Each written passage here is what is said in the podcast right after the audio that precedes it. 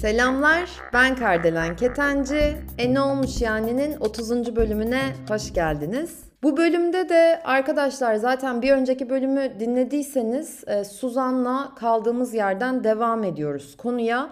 O yüzden konu neydi, neden bahsediyoruz diye hani soranlarınız varsa ilk önce bir önceki bölümü yani 29. bölümü dinlemenizi öneririm. Şimdi orada söylediklerimi tekrarlamayayım. Sadece e, neyi söylemek isterim? Keyifle dinleyin. Bu kitabı okumadıysanız bence okuyun. Gerçekten özellikle psikolojiye ve böyle kendinizi birazcık daha sorgulamaya meraklıysanız size çok e, destek ve yarar yani destek olacağından ve yarar sağlayacağından eminim. Sizin yorumlarınızı, düşüncelerinizi, duygularınızı, önerilerinizi, sorularınızı da her daim bekliyorum. Özellikle E Ne Olmuş yani podcast hesabından yazarsanız çok sevinirim. Şimdi ben aradan çekiliyorum ve sizi sohbetimizle baş başa bırakıyorum. Keyifli dinlemeler. Suzan selam. Merhaba, nasılsın? İyiyim, teşekkür ederim. Sen nasılsın? Hoş teşekkür geldin. Teşekkür ederim, ben de çok iyiyim. Hoş bulduk. Şimdi bu bizim aslında geçen sefer kaydettiğimiz bölümün yani travmalarla ilgili kaydettiğimiz bölümün ikincisi olacak. Hani bu bölümü dinlemek için gelenler olursa diye özellikle belirtmek istiyorum. İlk o bölümü dinleyin, sonra bu bölüme gelin diyelim. İlk bölümde iki tane travmayı ele aldık. Toplamda beş tane olduğu için şimdi bu bölümde de üç travmaya değineceğiz. Ama böyle travma nedir? İşte e, bahsettiğimiz kitapla ilgili burada bilgi vermeyelim. İlk bölümde yani işte travmalardan bahsettiğimiz diğer bölümde zaten isteyenler onu dinlerse çok daha sağlıklı olur diyorum ben. Bunun yanı sıra da üçüncü travmadan başlayalım ama istersen Gerçi senin bence kendini tanıtmana gerek yok. Artık seni tanıyorlar bence. Ama söylemek istediğim bir şey varsa öncesinde evet, lütfen. Ben, ben bir yaşam koçuyum. E, kadınlarla çalışıyorum. Kadınların e, dişil enerjilerini nasıl arttırabilecekleriyle ilgili, nasıl önce ortaya çıkarıp sonra da arttırabilecekleriyle ilgili çeşitli çalışmalar yapıyorum. Ve bireysel görüşmeler de yapıyorum. Böyle. Bayağı da yoğunsun. Evet, Onu... oldukça yoğun e, bu ara. Yani son bir senedir aslında oldukça yoğun. Çok güzel, güzel çalışmalarım ama. var evet. ama. Evet evet özellikle grup çalışmalarımı ben e, çok çok severek yapıyorum zaten. Süper. Şimdi ben açıkçası geçen görüşmemizden bir reddedilmek ve terk edilmek travmasına değindik. Terk edilmek beni biraz benden aldı, e, tetikledi. Ama istersen çok çok kısaca hani neden bahsettiğimizi çok kısaca anlatıp bence üçüncüye geçelim derim. Biz Kendiniz Olmanızı Engelleyen Beş Yara isimli Liz Bourbeau'nun bir kitabından referans aldık bu bilgileri. Oradan anlatıyoruz. Orada ıı, travmalar beş başlık altında toplanmışlar. Reddedilme, terk edilme, küçük düşürülme, ihanete uğrama ve haksızlığa uğrama travmaları. Ee, biz ilk ikisini anlattık. Şimdi küçük düşürülmeden devam edeceğim. Tekrar ilk bölümde anlattıklarımı tekrarlamayayım diye böyle kısacık geçelim biz bunları. Küçük düşürülmeden devam edelim. Aynen. Bu arada ben e, şeyi yine söylemek isterim. İlk bölümde söyledim mi açıkçası söylememiş de olabilirim. Hani e, bu travmaları dinlediğinizde kendinizi çok iyi hissetmeyebilirsiniz ve bu çok normal. Hı hı. Zaten sizi böyle harika hissettirmek için de e, yazılmış bir kitap ya da bizim anlattıklarımız da onun için değil ama e, kendinizde olan bu travmalar varsa bunlarla yüzleşip belki farkına varıp hayat kalitenizi arttırabilirsiniz. O yüzden hani üzülmeyin ya da böyle ah ah vah vah demeyin. Sadece fark edip ne yapabilirim diye hani kendinizle bir anlamda yüzleşmeniz için e, bunları böyle bahsediyoruz, ele alıyoruz. Yoksa hani üzülecek olanlar olursa onun için bence hani üzülmenize gerek yok diyelim. Evet o üzüntü bir süre sonra geçiyor zaten. Biz bu kitabı okuduğumuzda e, neden hem ben hem Kardelen birazcık oldukça kendimizi kötü hissetmiştik. Bu evet. neden oluyor? Çünkü bizim e, travmalarımız ba- bastırılmış bir takım duygular oluyor bizde. Travma zaten öyle oluşuyor. Ve biz bunları okudukça, bunları keşfettikçe o bastırılmış duygular ortaya çıkmaya başlıyor. Dolayısıyla biz kendimizi kötü hissediyoruz. Yani bunlar bizim yıllardır içimizde bastırdığımız duygular oluyor. Onları keşfediyoruz. E, bu nedenle ama bunlar sonsuza kadar kalmıyorlar. E, yavaş yavaş gidiyorlar. Bizim farkındalığımız arttıkça, eylemlerimizi değiştirdikçe bunlardan da e, sıyrılıyoruz zaten. Kesinlikle. Küçük düşürülmeden devam edelim mi? Bence edelim valla ben hazırım. Herkes hazırsa Evet.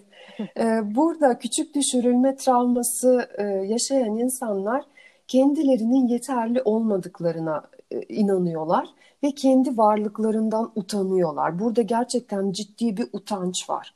Ve bu travma karşısında biz her bir travma karşısında savunma mekanizması geliştiriyoruz. Burada mazoşist meka e, savunma mekanizmasını geliştiriyoruz. Burada e, şey burada hemen cinsellikle alakalı bir ilgi kurulmasın. Burada duygusal mazoşizmden bahsediyorum özellikle.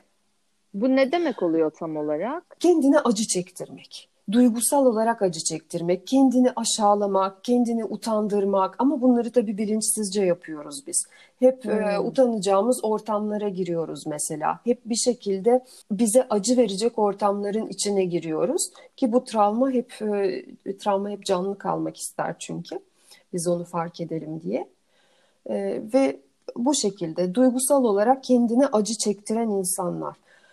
Ee, eğer biz agresif bir anneyle büyüdüysek, cezalandırıcı, bizi utandıran bir anneyle büyüdüysek, e, tabii baba da olabilir bu. Ee, eğer bize şiddet uygulanıyorsa, duygusal veya fiziksel şiddet uygulanıyorsa, bizi suçluyorlarsa, yargılıyorlarsa biz de büyüyoruz. Bunları kendi kendimize yapmaya devam ediyoruz. Gördüğümüzü yani, kopyalıyoruz bir yerde. Ya tabii e, küçükken ona alışmış olduğumuz için öyle devam ediyoruz ne yazık Benim ki. Benim aklıma şey geldi Suzan. Öyle bir örnek yani buna uygun mu bu maske? İşte mesela atıyorum evli birine aşık olmak ya da olmayacağını bile bile mesela birine e, biriyle beraber olmak istemek gibi gibi konularda. E, olabilir. Sonuçta e, acı çekecek bir ortam arıyor bu insanlar hep. E, ve m, özel öncelikle kendimizi suçluyoruz ama biz bu travmada. İşte mesela birine aşık olmuş olabiliriz ama diyoruz ki ya bende işte şöyle şöyle kötü taraflar olduğu için o zaten bana bakmaz ki. Hmm. Deyip kendimde hep kusur buluyorum. Öyle bir kendi kendine acı çektirme. Hı hı. Ve bu insanların çok tipik bir özelliği var. Bu insanlar kendilerini boş verip başka insanlara çok çok yardımcı olurlar. Yani hep kendinden önce başkalarını koyarlar. Çünkü kendisine dikkatini çevirirse kendisiyle barışık olmadığı için bir şekilde bundan dolayı suçluluk hisseder. Ve burada benim önerim eğer e, kişiler burada kendilerini tanıyorlarsa yani kendilerine çok duygusal acı çektiriyorlarsa kendilerini fark etmeye başlasınlar, kendilerini şımartmaya başlasınlar. Kendi özelliklerini oldukları gibi kabul etmeye başlasınlar. Mesela biz burada e, kilolu insanları bu grupta görüyoruz. Kilonun altında biz utancı saklarız genellikle. Hmm. Burada kilolu, yuvarlak hatlı e, insanlar, büyük, masum, çocukça bakan gözleri vardır bu insanların. Ve dediğim gibi çok sorumluluk alırlar üzerlerine. E, çünkü kendine o kadar zaman ayırmak istemez ki bu insanlar. E, daha doğrusu kendine zaman ayırınca bu zamanla ne yapacağını bilemez. Bu nedenle hep ilgisini başka yerlere verir. Yani kendine zaman ayırıp kendi değerini aslında bir şekilde insanların gözüne soka soka belki de göstermek. Yani en azından ben değerliyimi çok evet. net bir şekilde hissetmek. Evet e, ki burada kendi sınırlarımızı korumayı öğrenmemiz gerekiyor. Çünkü biz o kadar insanlar için kendimizi dağıtmaya alışmışız ki bu travmaya sahip olanlar.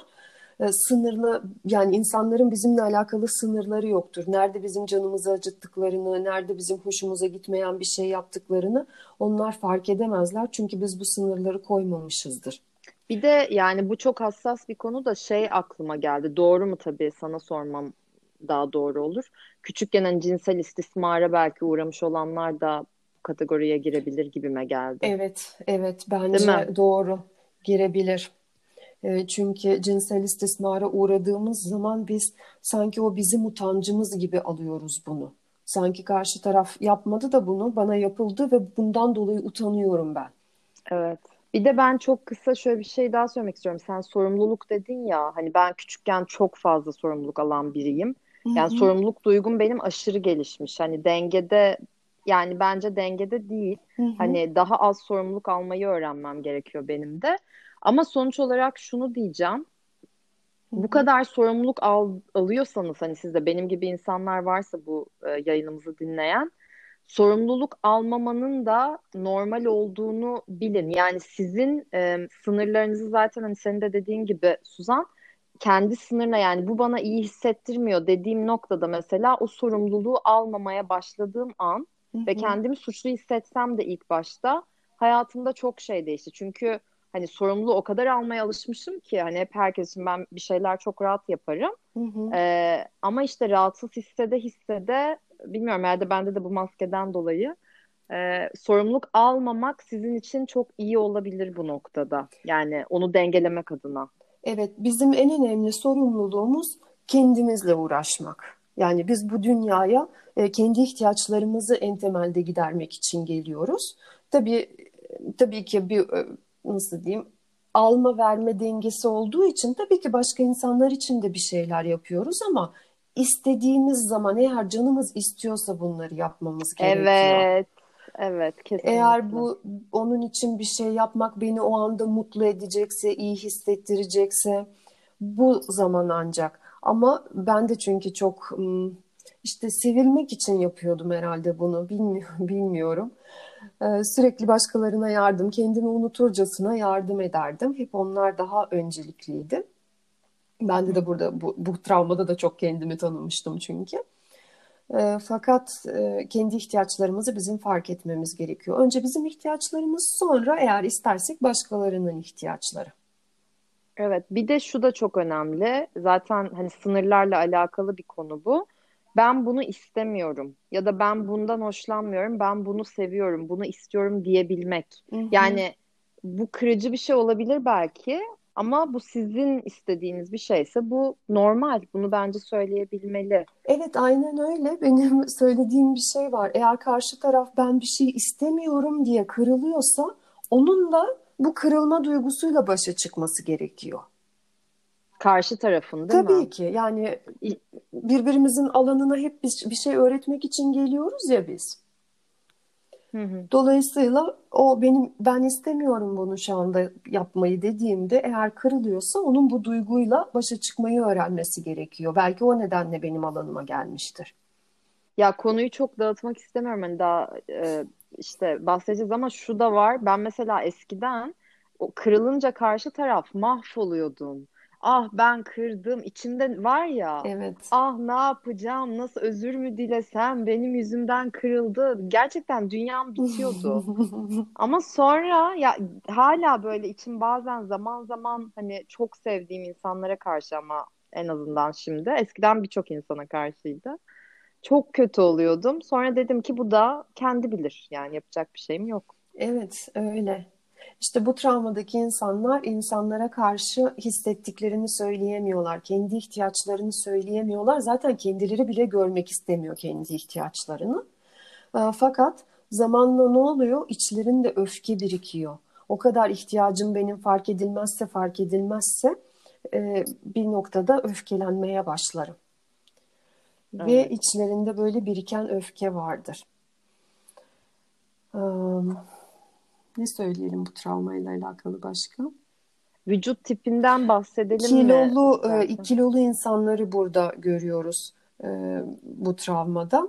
Hastalıkları e, karaciğerle alakalı hastalıklar bu travmayla alakalıdır. Çünkü öfkemizin biriktiği yer karaciğerdir. E, Ve damar hastalıkları, damar genişlemeleri, e, diyabet, kalp hastalıkları, cilt hastalıkları, e, sırtta, omuzlarda belki hastalıklar hep buralarda çıkar. Sırtta işte o kiloları taşımaktan hastalıklar çıkabilir. E, böyle. Bir de şu da var bence çok önemli bir nokta. Sen bunlara değinmişken öfke özellikle. Öfke çok güçlü bir duygu arkadaşlar. Yani öyle böyle güçlü bir duygu değil ve yani bence e, bilmiyorum Suzan bu konuda senin fikrini ama duyguların kanalize edilmesi gerekiyor. Bir şekilde sağaltılması gerekiyor. Hı hı. Ve o duygu eğer ki akmazsa Hı hı. zaten size zarar veriyor ve öfke gibi güçlü duyguları Yani bilmiyorum atıyorum boksa mı gidersiniz? O sizi sinirlendiren kişiyle belki konuşur musunuz?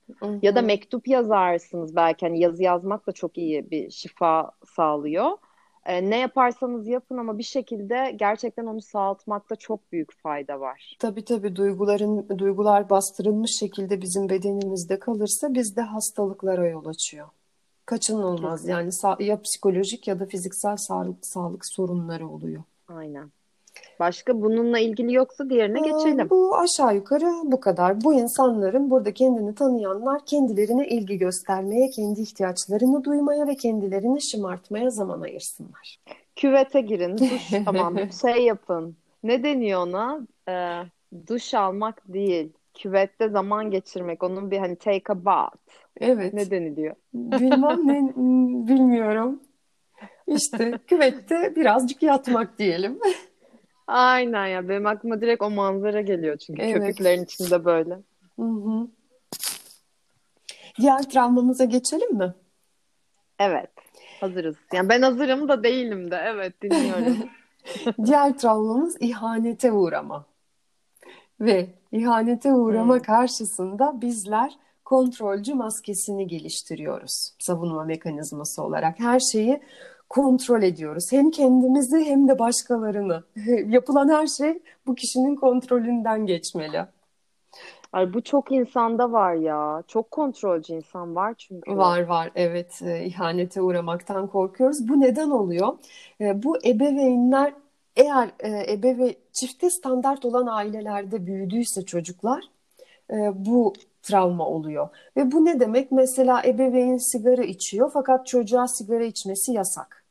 İşte baba anneye ihanet ediyor. Bu ailenin içinde bilinen bir durum. Fakat çocuğun eve geç gelmesi yasak. Ve çocuk Hmm. çifte standardı görüyor. Yani anne baba çok başka davranıyorlar. Bana çok başka şeyler izin veriliyor. E, Dolayısıyla kendisini kandırılmış hissettiği için çocuk bana yani ihanet ediyorlar diye düşünmeye başlıyor. Bana dürüst değiller diyor. Bunu sinirleniyor ve kontrol etmeye başlıyor. Burada zor güvenen insanları, zor rahatlayan insanları, e, problemleri için sürekli başkalarını suçlayan insanları görüyoruz.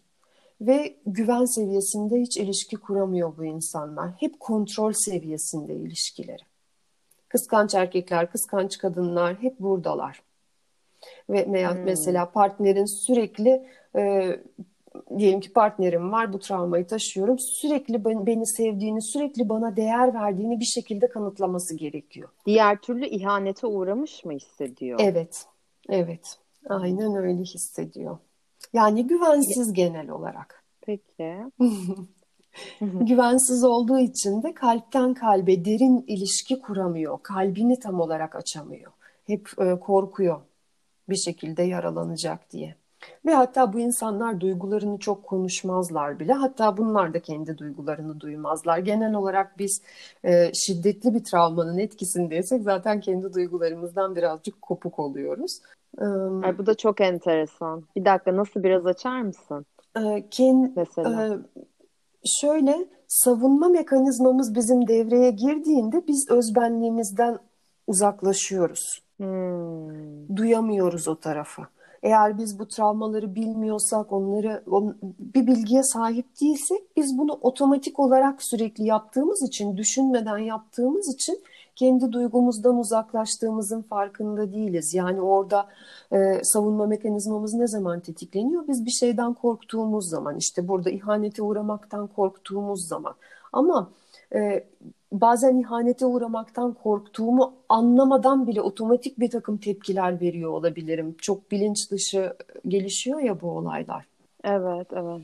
Ee, Burada e, insanlar vardır böyle belirli bir yeri çok mesela erkeklerin çok geniş omuzlu erkekler vardır veya kalçaları geniş olan kadınlar vardır. Üstü normaldir, kalçası daha geniştir. Hmm. Geliyor mu gözünün önüne bu anlattığım tip? Ee, geliyor. Gözümün önüne geliyor. Tanıdığım birini düşündüm de canlandıramadım. Ama tabii Hı hı. geliyor. E, bu vücut tipi bu ihanete travma ihanete uğrama travmasının vücut tipidir. böyle güçlü hükmedici bedenleri vardır bu insanların. Bu arada ilk bölümde bunu söyledik vücutlarla ilgili hani zaten onu dinlemeden herhalde bunu dinlemezsiniz ama ben onu yine söyleyeyim. Bu Liz Bourbeau'nun araştırmalarına dayanarak bulduğu bir şey. Hani biz böyle bunu şey yapmıyoruz. Bu hani vücut tipini biz, biz bulmadık. Bilginiz olsun diyorum.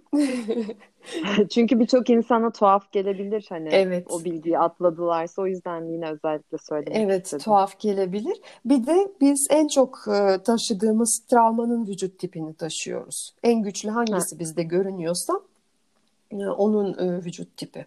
Çünkü başka travmalarda da kendimizi görebiliriz ama diyebiliriz ki ya benim vücudum öyle değil ki. Evet, mesela benim en çok kendime yakın bulduğum bu dördünden tabii beşinciyi şimdi dinleyeceğim.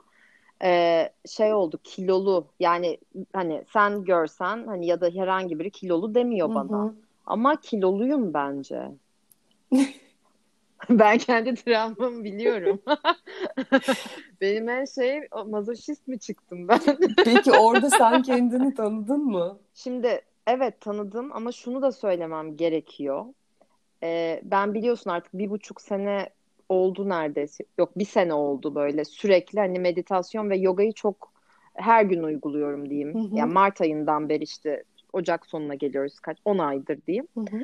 Ve bu meditasyon, yoga ve tabii karantina sürecinde çok değişik bir e, kapı açıldı benim önümde. Hı hı. Hani bu 10 ay önce bana sorsaydın bu soruyu sana çok farklı cevap verirdim ama şu anda e, hani asla bir ermiş değilim. Asla böyle birçok e, ama ben çok profesyonel bir amatörüm diyorum hep kendime her konuda.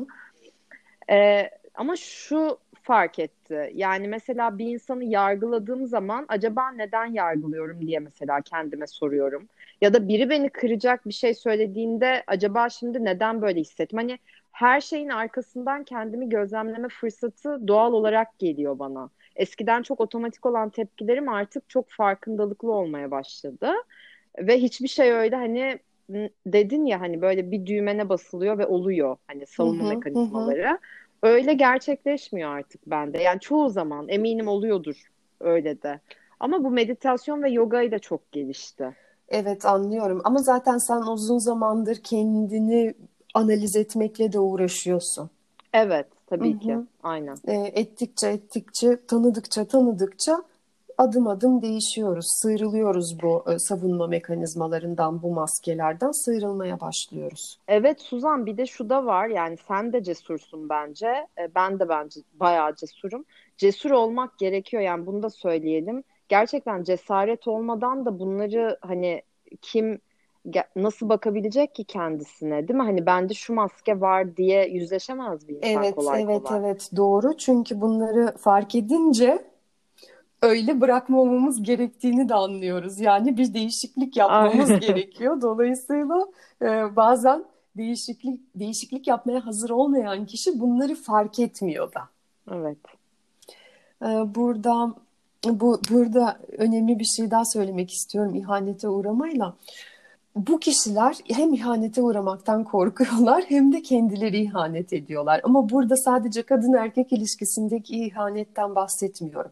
Mesela bizim sözümüzde durmamamız da ihanet. Kendimize bile ne diyoruz mesela işte e, bundan sonra her sabah kalkıp limonlu su içeceğim diyoruz mesela. Beş gün içiyoruz, altıncı gün unutabiliyoruz bunu. Bu kendimize de Hmm. ihanet etmiş oluyoruz bu şekilde. Bunu yapma sebebimiz de o travma kaynaklı diyorsun genelde. Evet, aynen öyle. Aslında bütün travmalarda e, biz kendimiz de onu yapıyoruz. Yani hem bize yapılmasından çok korkuyoruz, rahatsız oluyoruz fakat biz de onu yapıyoruz. Neden öyle peki? E, çünkü bizim e, reddettiğimiz şeyler bizde muhakkak ki var. Gölgemiz o bizim, gölge tarafımız. Yani bu kişilerde e, insanların işte verdiği sözde durmamasından çok korkuyor fakat kendisi çok kolay kendi sözünden vazgeçebiliyor. Hatta söz vermekten bile kaçınıyor olabilir. O zaman belki kendine verdiği sözü tutsa karşı tarafta ona verdiği sözü tutar. Tabii. Burada işte istediği olmayınca sinirlenen insanlar, bir şeyleri yavaş yapınca mesela ben yavaş konuşuyorum diye bana çok eleştiri geliyor. Bir, bir, bir insan bir şey yavaş yapıyor diye sinirleniyorsak burada bu travmaya bir bakmamız gerekiyor. Ay bende de tam tersi. Yani hiç yazmadılar öyle ama bence hızlı yapıyorum. Mesela hızlı konuşuyorum diye düşünüyorum. Bilmem bence Ha, o zaman neyse o işte. Hiçbir şey bizimle alakalı değil arkadaşlar. Bunu böyle bile. Evet. Bir de bu insanlar e, bilgili ve güçlü insanlardır. Mantığı çok gelişmiş olan insanlardır ve e, bütün tezlerini bir bilgiye dayandırırlar. Hmm. Aa zihinsel o zaman bayağı Hı hı.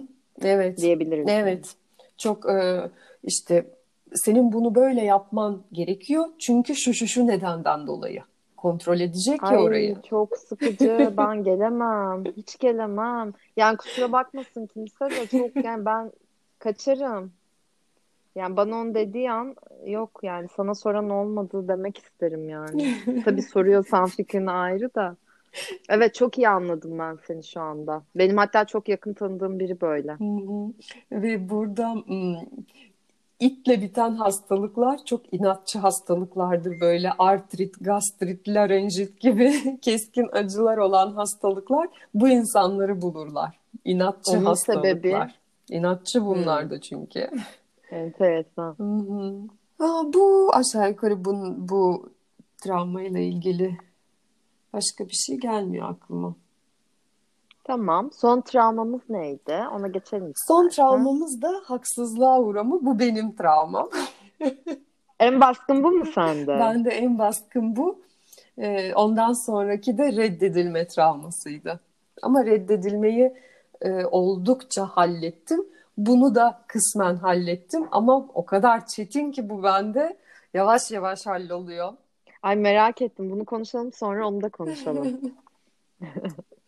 Şey, haksızlığa e, uğrama travması. Haksızlığa uğrama travması karşısında biz e, savunma mekanizması olarak katı kişilik maskesi geliştiriyoruz.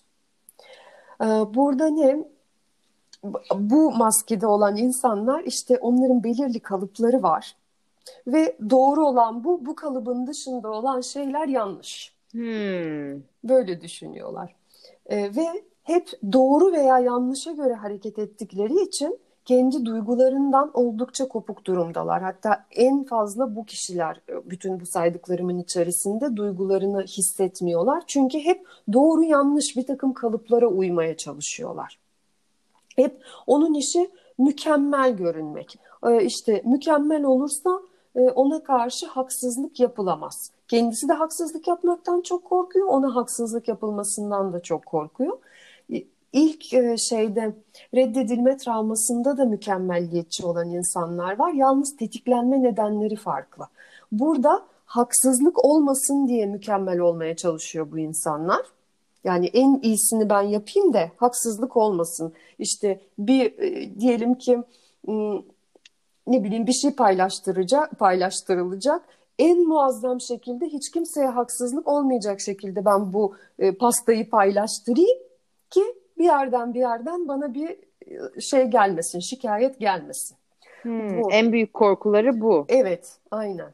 Ee, hem o zaman hem kendisi haksızlık yapmış olmasın, bu haksızlık yaptın bana suçlamasıyla hiç karşı karşıya kalmak istemez. Eleştirilmekten korkar mı Oo, bir de? Çok çok çok korkar. Ee, mesela nasıl olabilir, Helal. neden böyle oldu, nasıl bu kişi böyle davranabilir, burası tam olmamış, tam yapamamışsın, bu doğru değil. Bu kişilerin sözlüğünde bunlar var. Oldukça uzun sava- savaş verdim ben bunlardan vazgeçebilmek için.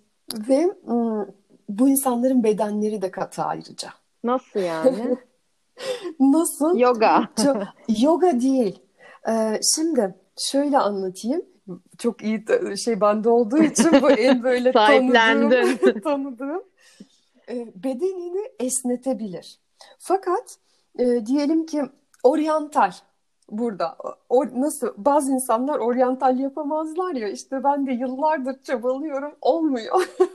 Aa anladım. Anladın? Ay, Esneklik değil evet. olay. Bedenin hareket etmesi, böyle rahatça hareket etmesi etmiyor katılıktan dolayı. Yani Çok iyi hem zihni katı hem bedeni katı bu insanların. Ve e, bu insanlar en e, düzgün vücut proporsiyonlarına sahip olan insanlar. Çünkü mükemmel olması gerekiyor her şeyin. İşte bir yerden alıyor, bir yerden veriyor. Bak oryantal yapamıyorsun ama demek ki vücut hatların iyi. Bununla mutlu ol diyor sana. Evet işte tabii aynen. Ve Her birimizin şeyleri, e, güçlü yönleri ve zayıf yönleri var kesinlikle. E, Çok da gülüyorum kendime. Diyorum ki bir noktada ben bunu kıracağım, bir noktada ama bayağı hareket etmeye başladı bedenim. Dans dersi aldın mı peki? Hani böyle üstesinden geleyim falan diye. Ee, yo dans dersi almadım ama kendi kendime zaten her gün e, işte dişil enerji çalışıyorum ya. Oryantal yapıyorum Ee, falan. sadece oryantal demeyeyim ama her gün bir dans için ayırdığım en azından bir 10-15 dakika gibi bir şey var. O da dişil Aa, enerjimi süper. arttırmak için ben bunu yapıyorum. Ee, özellikle hani illa şey bedenim oynamaya başlasın diye yapmıyorum ama etkisi oluyor açıkçası.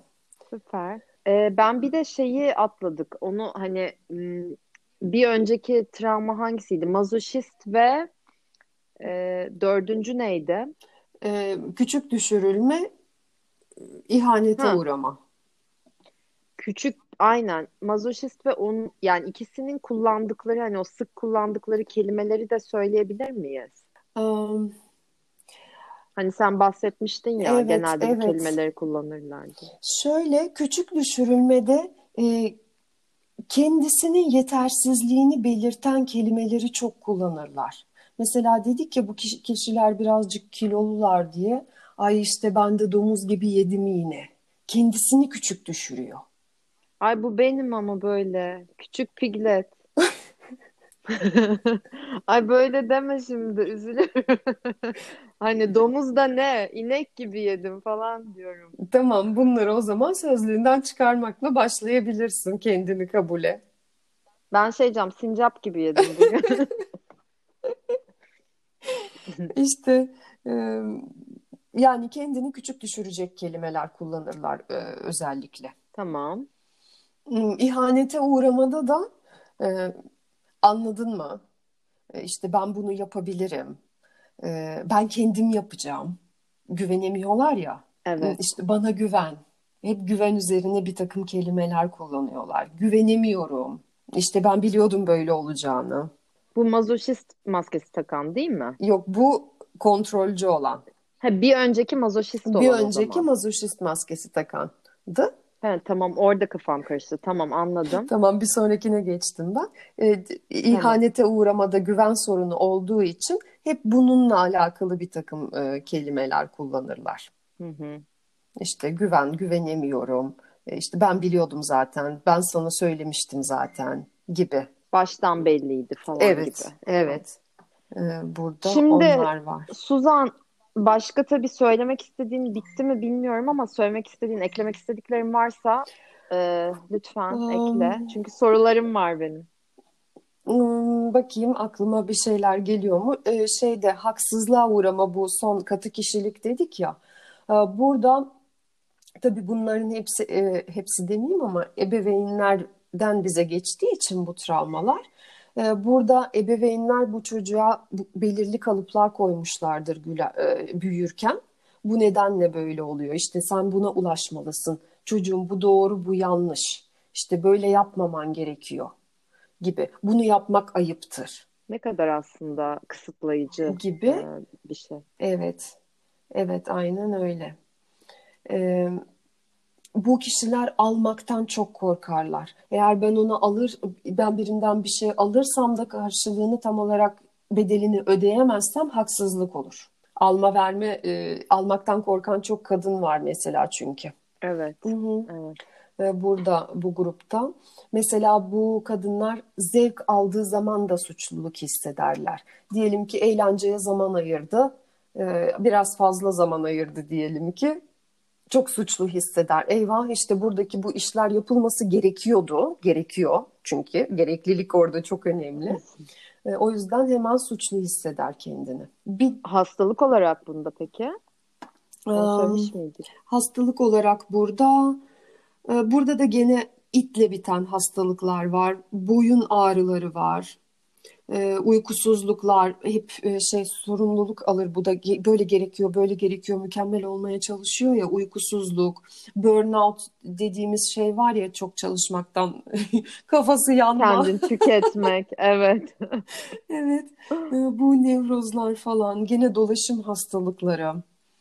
E, Gene burada da e, karaciğer. Burada mesela orgazm olamama sorunu da bu travmayla alakalı. Çünkü suçlu hissediyorlar kendilerini ve katı kalıpların dışına çıkamadıkları için e, burada Hmm. bu sorunlar da oluyor.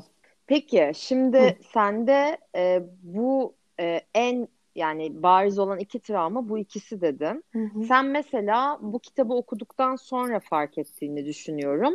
Bundan sonra hani nasıl yol aldın? Senin yolculuğunda böyle mesela atıyorum şöyle bir gün şunu yani aklına gelen ya da böyle değişimine hani çok sebep olan e, bu olaylarla bağlantılı bu travmalarla şeyler oldu mu? Hani böyle genel olarak ilerleyişinden de biraz bahsedersen belki bazı insanlara da hani fikir olabilir, ilham Hı hı. olabilir. Ya tabii ben e, şimdi koçluk yaptığım için önce ben bir takım şifa çalışmalarından geçmem gerekiyor ki insanlara bunları aktarabileyim. Demiyorum ki hepsinden e, tamamen sıyrılmış durumdayım. Çünkü e, travma bizde o kadar kökleşmiş bir şey ki bir, bir miktar bunu temizleyebiliyoruz. Fakat en enin sonuna kadar temizleyemiyoruz biz travmayı. Artık kişiliğimiz olmuş oluyor çünkü bu. Fakat fark ettiğimiz yerde esneklik gösterebiliriz. E, ben mesela yargılayıcı bir insandım ve yargılanmaktan da son derece korkardım. Ama neden yargılayıcı? İşte bu travma nedeniyle yargılayıcı. Hep benim kafamda doğru ve yanlış diye bir takım kalıplar var. O kalıbın dışına çıkan insanları ben çok yargılardım mesela. Hoşgörü göstermeyi öğrendim. Ve ben hoşgörü göstermeye başladıkça insanlara ben çok daha az yargılanmaya başladım. Mesela. Hmm. İnsanlar da beni yargılamamaya başladı veya ben artık kendimi o kadar kabul etmiştim ki insanlar yargılasa bile artık çok da umurumda değil açıkçası. Önemsememeye başlıyorsun zaten Hı hı. bir yerden sonra. Evet, aynen öyle. Ee, şeyde utancı nasıl yenmiştim? O, o da bende güçlüydü. Beden tipi olarak hiç bana uymasa da e, çok utanıyordum şeyden. Reddedilmeyle karışık utanmaydı işte benimki. Bir şey yaparsam komik duruma düşersem ve hem utanacağım hem beni reddedecekler. Burada gerçekten utancın üzerine gittim. Utandığım, utandığım neyse çünkü utanma bizi en en enerjisiz olan duygu utanma. Konfor alanımızdan dışarı çıkamıyoruz utandığımızda.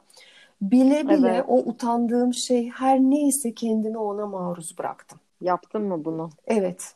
Nasıl hissettin peki? Nasıl bir duyguydu? Hmm, hmm, Açıkçası bence rahatlatıcı bir şeydi. Çünkü e, benim utandığım şey e, konusunda insanlar beni utandırmaya çalışmıyor ki aslında. O benim kafamın içinde olan kalıptı.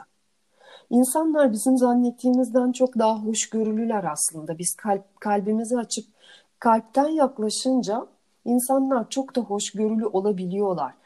Biz genellikle kendimize batırıyoruz iğneleri.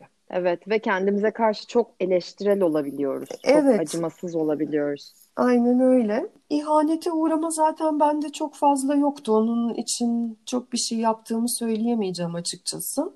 Çok kontrolcü bir insan değildim ben. Hı hı. Ama küçük düşürülme üst- özellikle utancın üzerine gittim. Yani şöyle bir şey hatırlıyorum. Ee, Bir gün arkadaşlarımla, iki tane arkadaşımla biz bir e, gece kulübüne gittik. Ve ben inanır mısınız kımıldayamadım yerimden. O kadar utandım ki dans etmeye. Ee, Aa, Evet, dans etmeye utanıyordum. Şimdi şimdi de böyle duramıyorum. Ve böyle çocuk bir kere o akşam şey demişti. Suzan, beni seni getirdiğime pişman ettin. Bir iki sallan ya. Allah. O, Sonra dans ettin mi evet, peki? yani he- ben o akşam etmedim. Fakat daha sonra bunu kırmaya karar verdiğimde e, ondan sonra oldukça fazla dans ettim. Ya Suzan ama ne kötü biliyor musun? Şimdi sen böyle deyince bende bunlar yok. Hani dans etmekten falan utanmam ama bende ne oluyor biliyor musun? Mesela heyecanlandığımda işte atıyorum topluluk önünde Hı konuşmaktır. hı. Ne bileyim bir şey hani böyle beni heyecanlandıran Hı ama hı. böyle gerçekten hani neredeyse kekeleyeceğim o kadar Hı hani. hı. Ki oluyor. Eskiden daha da oluyordu. Karantina süresinde tabii ki olmadı. Ama bana ne oluyor biliyor musun? Çok yani nasıl çözerim ben bu durumu? Ben beyaz tenliyim ya. Hani beyaz pembeyim. Evet. Şimdi yanaklarım falan bildiğim ben yani pes pembe oluyorum. Hani e, hani atıyorum soğukkanlı durup belli etmez ya kimisi. Hani içinde aslında fırtınalar kopar. Ben böyle pes pembe ateş içinde bütün suratım yani yüzüne bakan aa ne oldu niye bu kadar kırmızısın diyor bana direkt. Ve ben ne diyeceğimi şaşırıyorum. Çok değişik bir duygu oluyor o zaman. Yani hani direkt yüzüme yansıyor. Orada da yapacak hiçbir şeyim olmuyor o noktada. Ya evet, aslında ben de öyleyim. E, fakat ya çünkü ben şu anda çok utandım. Çünkü ben şu anda çok heyecanlandım deyip ne hissediyorsak onu söylediğimizde kalpten olduğumuz için genellikle karşımızdaki de bize kalpten yaklaşıyor. Evet işte o anda şu an çok heyecanlıyım. Aşırı utandım. Evet.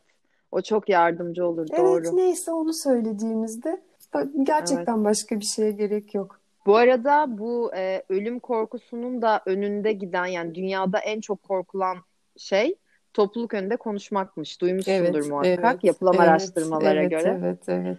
Ben de lisede hani bunun bu travmalarda herhalde ilgisi yoktur ama topluluk önünde konuşacağım bir sunum yapacağım zaman ne yapardım biliyor musun? Yani belki liseye giden arkadaşlarımız varsa ya da üniversiteye. Reddedilmekle Ne yap- alakalı bence bu arada bu travma. Yani yanlış bir şey söylersem insanlar beni beğenmezse, beni eleştirirlerse. Anladım. Genel öyle ama bende şey topluluk önünde korku vardı yani Hı hı. hani daha çok. Ama ne yapıyordum biliyor musun? Şimdi tahmin et demeyeceğim. Etmem biraz imkansız olabilir. Lens takıyorum ben hani. hı. Lens takmıyordum o gün. Hani gözlerimi zaten uzağa göremiyorum. Uzağa göremediğim için de rahat rahat o sanki hiç kimse yokmuş gibi anlatıyordum ve çok da rahat hani gidiyordu akıyordu. O Aslında yüzden böyle bir şeydi. fark etmeden bence çok doğru bir şey yapmışsın. Çünkü topluluk önünde konuşmak için önce e, insana şeyi sorarlar. Sen topluluk önünde bir şey söylemeye çıktığında dikkatin kimde oluyor? Eğer dikkatin benim karşımdaki insanlardaysa, daha doğrusu kendimdeyse yani onlar benim hakkımda bir şey söyleyecekler korkusundaysa e, bu olmamalı. Oysa ki ben şu, şu kafaya girersem e, ya ben onlara bir şey anlatmaya çıkıyorum. Yani onların vereceği tepki Hmm. önemli değil. Ben onlara bir şey vermeye çıkıyorum. Yani onlar bana vermiyor o anda. Ben veriyorum. Evet. Bence çok doğru bir şey yapmışsın. Bence de doğru bir şey yaptım ama çok komikti. Ama bak kendi çözüm yolunu bulmuşsun. Bu harika bir şey. O gün bugündür lens takmıyorum dermişim bir de. Yok yok kesinlikle öyle yok. Zaten bu arada hani bende bu topluluk önünde konuşma korkusu ve tabii ki de bu travmalar hani ben detaylı anlatmayayım uzamasın ama e, tabii ki bende de var. E, ve benim YouTube'a başlamam da e, zaten bu sebeple oldu. Çünkü sen dedin ya mesela kalkıp dans etmek senin için gerçekten büyük bir başarıydı anladığım Evet. kadarıyla. Ben de medya iletişim okudum, fotoğraf okudum. Hani benim için kamera arkası çok rahat. Hı hı, Hani ve hı teknik hı. şeylerini öğrenirim gider yani. Sıkıntı yok. Zaten onu Hı okumuşum. hı. Ama yani e, paylaşmayı seviyorum falan filan işte hani bir sürü. E, YouTube bir de kamera önü en hani ilgi odağı olacağım. Allah ne yapacağım? Sen biliyorsun zaten o zamanları. Ben biliyorum tabii ki. Ama adım attım işte. O yüzden o senin dans pistine çıkmam, benim de kamera önüne geçmem gibi e, bir şekilde bir adım atmamız gerekiyor bu yolda. Tabii ki, tabii ki. Ee, Ben hatırlıyorum sen e, bir sürü başka şeyle uğraşıyordun ve ben sana dedim ki ya bir dakika niye onunla bununla şununla uğraşıyorsun da sen kendin neden yapmıyorsun? Sahi yapabilir miyim diye tepki vermiştin. Evet Suzan. Ay o günleri gerçekten evet evet.